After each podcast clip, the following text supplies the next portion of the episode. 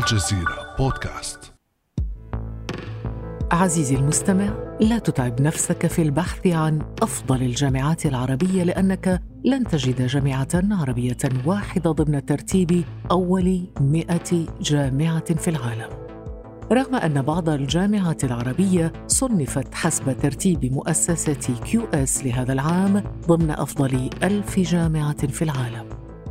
حلقتنا اليوم هي عن البحث العلمي في العالم العربي وقد بدأنا الحديث بالجامعات بسبب ارتباط الجامعة الوثيق بالبحث العلمي. إذ يعد البحث العلمي أحد الأعمدة التي يستند إليها التعليم الجامعي بمفهومه المعاصر ولا يمكن أن تكون هناك جامعة بالمعنى الحقيقي إذا أهملت البحث العلمي. واقع البحث العلمي في العالم العربي الذي سنتحدث عنه في هذه الحلقة لا يبعد في الحقيقة عن التفاؤل. أمر طبيعي عندما نعرف قيمة الميزانيات التي تخصصها الدول العربية للإنفاق على البحث العلمي. فما هو واقع البحث العلمي في العالم العربي؟ وهل يسهم السباق العلمي العالمي في إيجاد لقاح لفيروس كورونا أو كوفيد 19 في رد الاعتبار للبحث العلمي وللباحثين وما هي أدوات وآلية تطوير البحوث العلمية العربية؟ بعد أمس من الجزيرة بودكاست أنا خديجة بن جنة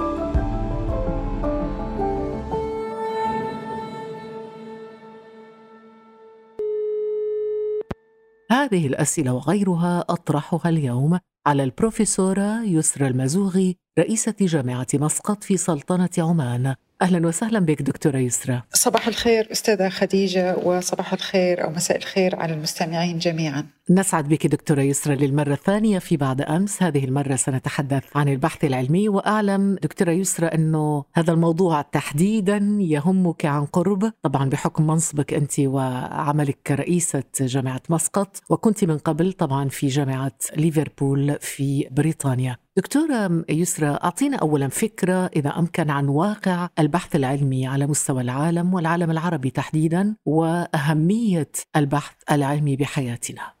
بداية أشكرك أستاذة خديجة على الاستضافة مرة ثانية ويشرفني أن أكون معكم في بودكاست جزيرة بعد أمس. طبعا كما ذكرتي موضوع البحث العلمي موضوع جدا قريب عن قلبي ومن يعني له اهتمام شديد بحكم المنصب وبحكم دور البحث العلمي في قطاع التعليم العالي ككل فموضوع يعني جدا شائك وجدا مهم وله أبعاد أكثر بكثير مما يتوقع الجميع أعتقد. بداية ممكن نبدأ بس بتعريف بسيط لما هو المقصود بالبحث العلمي وما الهدف من البحث العلمي ولماذا كل هذا الاهتمام بالبحث العلمي؟ فطبعا كما يعلم الكثير يعني البحث العلمي هو أسلوب منظم من جمع المعلومات والبيانات الموثوقة وتدوينها بطريقة منهجية ومن ثم تحليلها حتى نصل إلى قوانين أو إلى نظريات التي ممكن تطبيقها في عالمنا فمن أهداف البحث العلمي الوصول إلى هذه الحقائق الجديدة التنبؤ بالمستقبل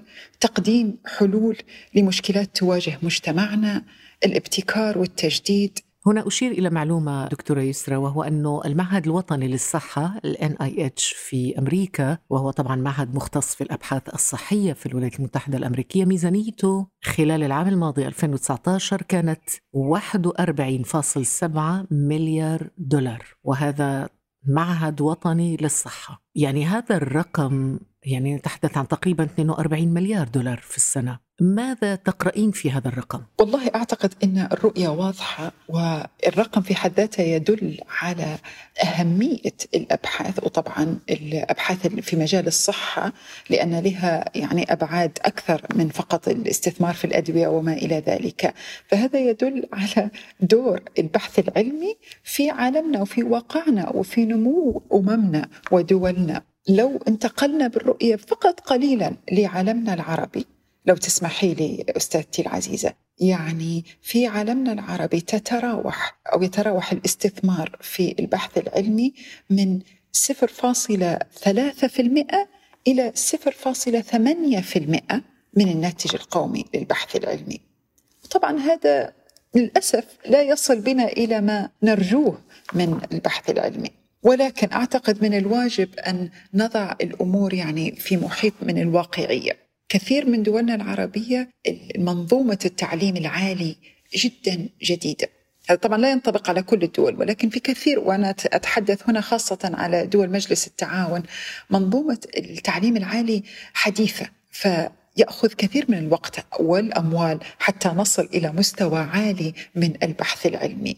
فيعني نلوم ونعذر كيف ما كيف ما يقولوا يعني بالعامي. في حاجة في رؤية ولكن الاستثمار لم يصل بعد إلى النسب المحتاجينها. هل يعود هذا الأمر إلى عدم إدراك أهمية البحث العلمي؟ ربما هنا المشكلة. دعينا نستمع إلى ما يقوله الدكتور إبراهيم بدران وهو كان بالمناسبة وزير التربية والتعليم في الأردن سابقا يتحدث عن أهمية البحث العلمي في العالم العربي ويقول البحث العلمي والتقدم التكنولوجي أصبح شرط من شروط البقاء. ليس فقط أمن قومي بالمفهوم العام السياسي وإنما شرط من شروط البقاء. وإذا أخذنا البلاد العربية بالذات خذ قضية مثل المياه. نعم. خذ قضية مثل الطاقة خذ قضية مثل الغذاء. هذا دون بحث علمي وتقدم تكنولوجي واختراقات تكنولوجية حقيقة نعم. لا تستطيع البلاد العربية وكلها تفتقر إلى المياه وكلها تعاني من نقص الإنتاج الغذائي العجز الغذائي العربي. يتجاوز 25 مليار دولار سنويا. لا تستطيع دون البحث العلمي أن والتقدم التكنولوجي أن تبقى وإلا تتفكك. دكتور إبراهيم بدران الآن ونحن نستمع إليه يعني وضع يده أو إصبعه على الجرح. يعني نحن نحتاج إلى التكنولوجيا في مجال المياه في مجال الطاقة في مجال الزراعة في مجال الأمن الغذائي. كل هذا يحتاج أو هذه التكنولوجيا تحتاج إلى بحث علمي. لهذا الحد دكتورة يسرى يمكن أن يرتبط فعلا بقاء الإنسان بالبحث العلمي؟ أكيد. وأنا أتفق تماما مع ما قاله الدكتور آه، إبراهيم بدران في المقطع. كان النقطة المهمة في واقعنا نحن أن يجب علينا البحث في مشاكل التي تهمنا نحن كشعوب عربية مشاكل بقائنا نحن.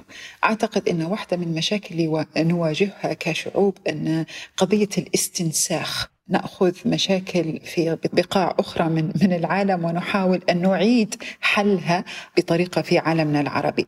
طيب أين نحن؟ وأنت تحديدا يعني هذا السؤال يعنيك ربما أكثر من غيرك لأنك بروفيسورة وترأسين جامعة هي جامعة مسقط. أين نحن من كل هذا؟ معنى ذلك أنك تقولين دكتورة يسرى أين الجامعة؟ لأن الجامعة مرتبطة بالبحث العلمي. دور الجامعات وأنت رئيسة جامعة في البحث العلمي هل تقوم فعلا الجامعة بدورها؟ سؤال جدا وجيه. وطبعا الجامعات هي أساس المنظومة في البحث العلمي. ولكن الجامعات يجب أن تكون تعمل داخل بيئة داخل ecosystem يقال له باللغة الإنجليزية داخل منظومة متكاملة من البحث العلمي. فالجامعة مستقلة لا تستطيع أن تولد باحثين على مستوى عالي. نحتاج إلى مراكز أبحاث نحتاج إلى دعم من القطاع الخاص للعمل معهم يد مع يد يعني في الأبحاث التي تهم القطاع الخاص.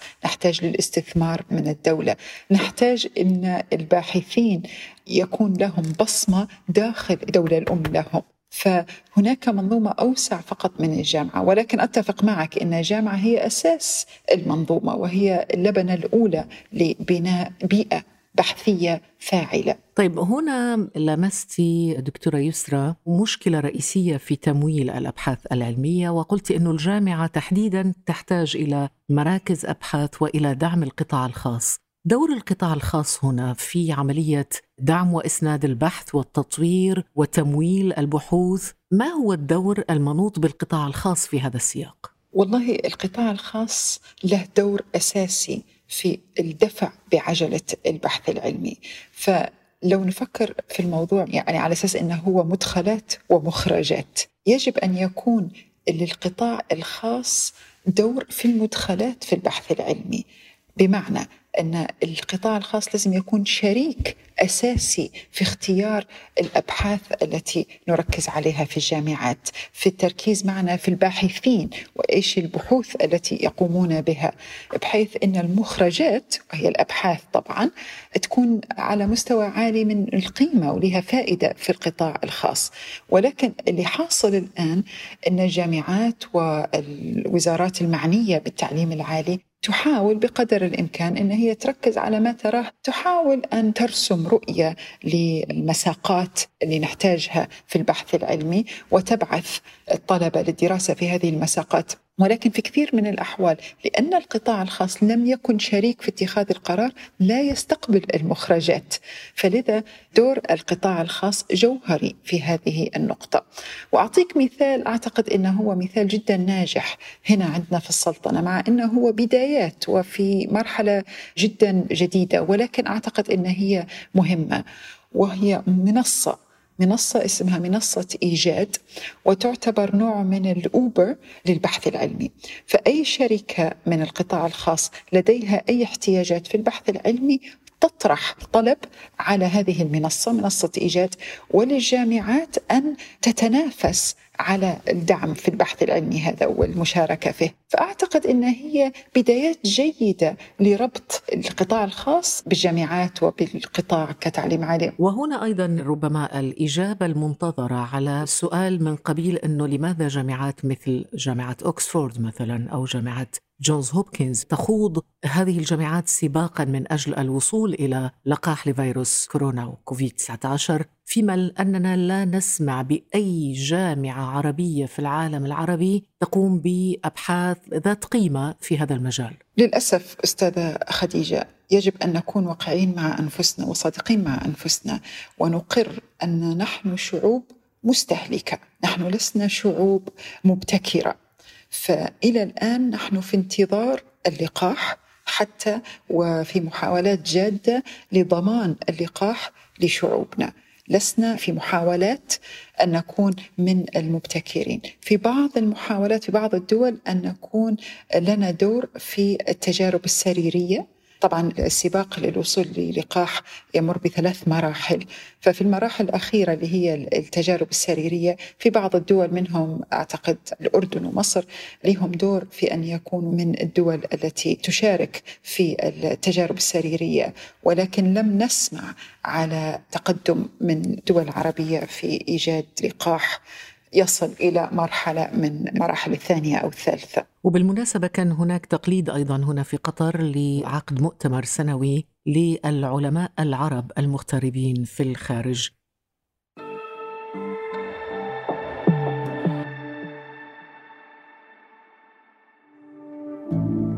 اشترك في بعد أمس لتصلك الحلقات يوميا عبر تطبيق بودكاست. تواصل معنا عبر صفحات الجزيرة بودكاست على فيسبوك تويتر وإنستغرام.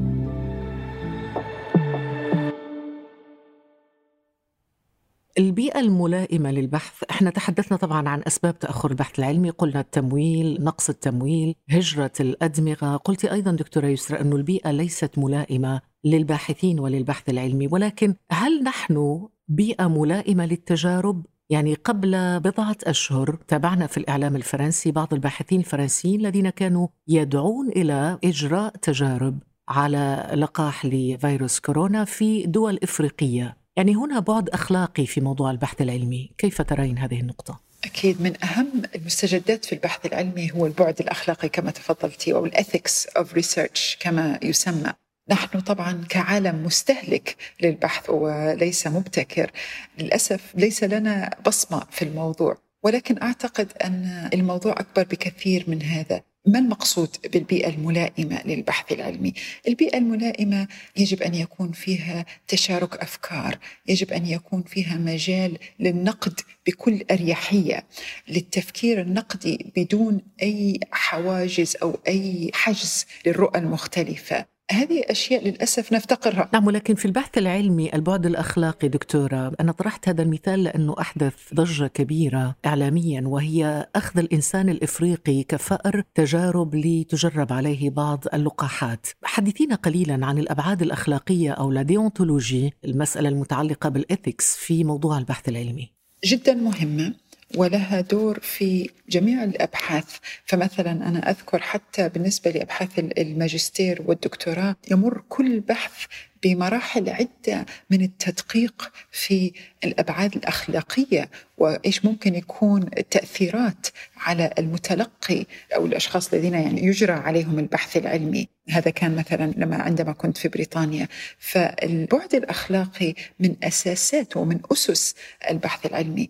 للأسف أعتقد أن في بعض الأحيان يكون هناك نوع من التفاوت أو الترفع من بعض الباحثين. وهذا لا يشمل فقط العالم العربي وإنما العالم بأجمله ترفع من قبل الباحثين أو من قبل بعض الدول على البحث. وهذا شيء يعني مخيف طبعا.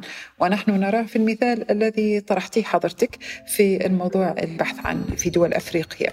نعود إلى ربما ما يمكن أن نسميه بارقة أمل أو شيء من الإيجابية. خلينا نتفائل شوية في هذه الحلقة بأنه هناك بعض المحاولات حتى نكون منصفين. هناك محاولات أحيانا يعني تكلل بالنجاح وإن لم تكلل بالنجاح فهي محاولة. محاولة مثلا في المغرب لبعض الطلاب والباحثين من جامعة محمد السادس استطاعوا أن يبتكروا أجهزة تنفس اصطناعية تتماشى مع البيئة المغربية الغربية وتعمل على البطاريات. يتم تشغيلها في القرى والأرياف وهذا يساعد الناس على تجاوز الصعوبات في الحرب على وباء كورونا.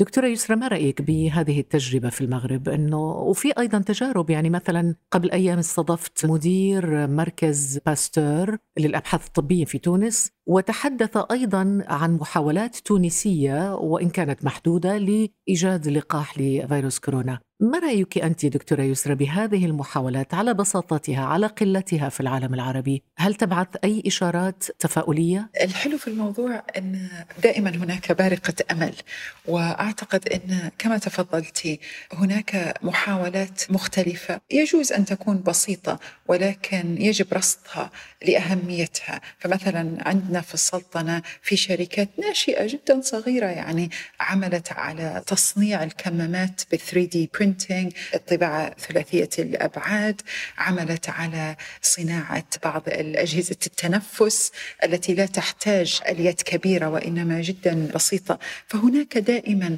محاولات وشعاع من الأمل. أعتقد أن أهم نقطة لازم نتوقف عندها نحن في عالمنا العربي هو أن العالم العربي عالم شاب. نسبة الشباب فيه جدا عالية وهو مختلف طبعا عن عالم الغرب تعتبر عالم عجوز في لايك فالشباب هم الابتكار والشباب هم الأفكار الجديدة والشباب هم الطموح. فأعتقد يجب علينا أن من هذا المنطلق نفكر في كيف ممكن نبني على هذه الأفكار كيف ممكن نؤطرها بطريقة يكون لها عائد مناسب لمرحلة النمو طبعاً اللي نمر طبعاً. بها نحن حاليا في عالمنا. دكتورة يسرى موقعنا إحنا كعرب من البحث العلمي والسؤال الكبير لماذا تأخرنا إلى هذا الحد ولماذا ننفق على البندقية وننفق على الرصاص وننفق على الدبابة وننفق على الطائرة ولا ننفق على البحوث العلمية يجرنا إلى مقارنة بين ما تنفقه الدول العربية على السلاح أو شراء السلاح وعلى ما تنفقه على البحث العلمي، كيف تقرأين هذه المقاربة أنت؟ طبعا للأسف يعني عندما نفكر في أن أول جامعة في العالم كانت جامعة عربية أسستها امرأة في المغرب مؤسف جدا أن يكون إنفاقنا على السلاح والبندقية كما أشرت أكثر بكثير مما ننفقه على الجامعات. والمؤسف أكثر هو دور الأوقاف في دعم البحث العلمي والتعليم العالي. ولكن هذا أعتقد موضوع شائك وطويل جدا وممكن يحتاج يحتاج حلقة أخرى. ولكن له طبعا أبعاد تاريخية وأبعاد سياسية وأبعاد مجتمعية. طيب لو دكتورة يسرى في الأخير لو حاولنا أن نستشرف المستقبل معا و عندما نتحدث عن المستقبل في الحقيقة يجب أن نشكر الملكة كورونا لأنها فتحت عيون العالم على أهمية البحث العلمي خصوصا في المجال الطبي يعني سنقول الحمد لله أن الميزانيات الجديدة للإنفاق الحكومي في الدول العربية وضعت مخصصات أكبر هذه المرة للبحوث العلمية لعام 2021 هل هذا العامل يبشر بمستقبل أفضل برأيك؟ أعتقد أن لو لم نستغل الفرصة الراهنة لإعادة النظر في أولوياتنا كدول عربية واولويتنا الوصول لأهدافنا حتكون فرصة ضائعه يعني. عندما نتحدث عن السباق في البحث العلمي فهو سباق حقيقي. ليس هناك مجال للوقوف أو للراحة أو للتفكير حتى. فأعتقد أن من الواجب إعادة النظر في استراتيجية البحث العلمي من الواجب إعادة النظر في هيكلية البحث العلمي داخل دولنا والبحث في كيف ممكن يكون تشبيك أو ربط لهذه المنظومات حتى نستفيد من قوتنا كدول مجاورة. أعتقد أن هناك فرصة ذهبية شعوب شابة لديها طاقات لديها أموال.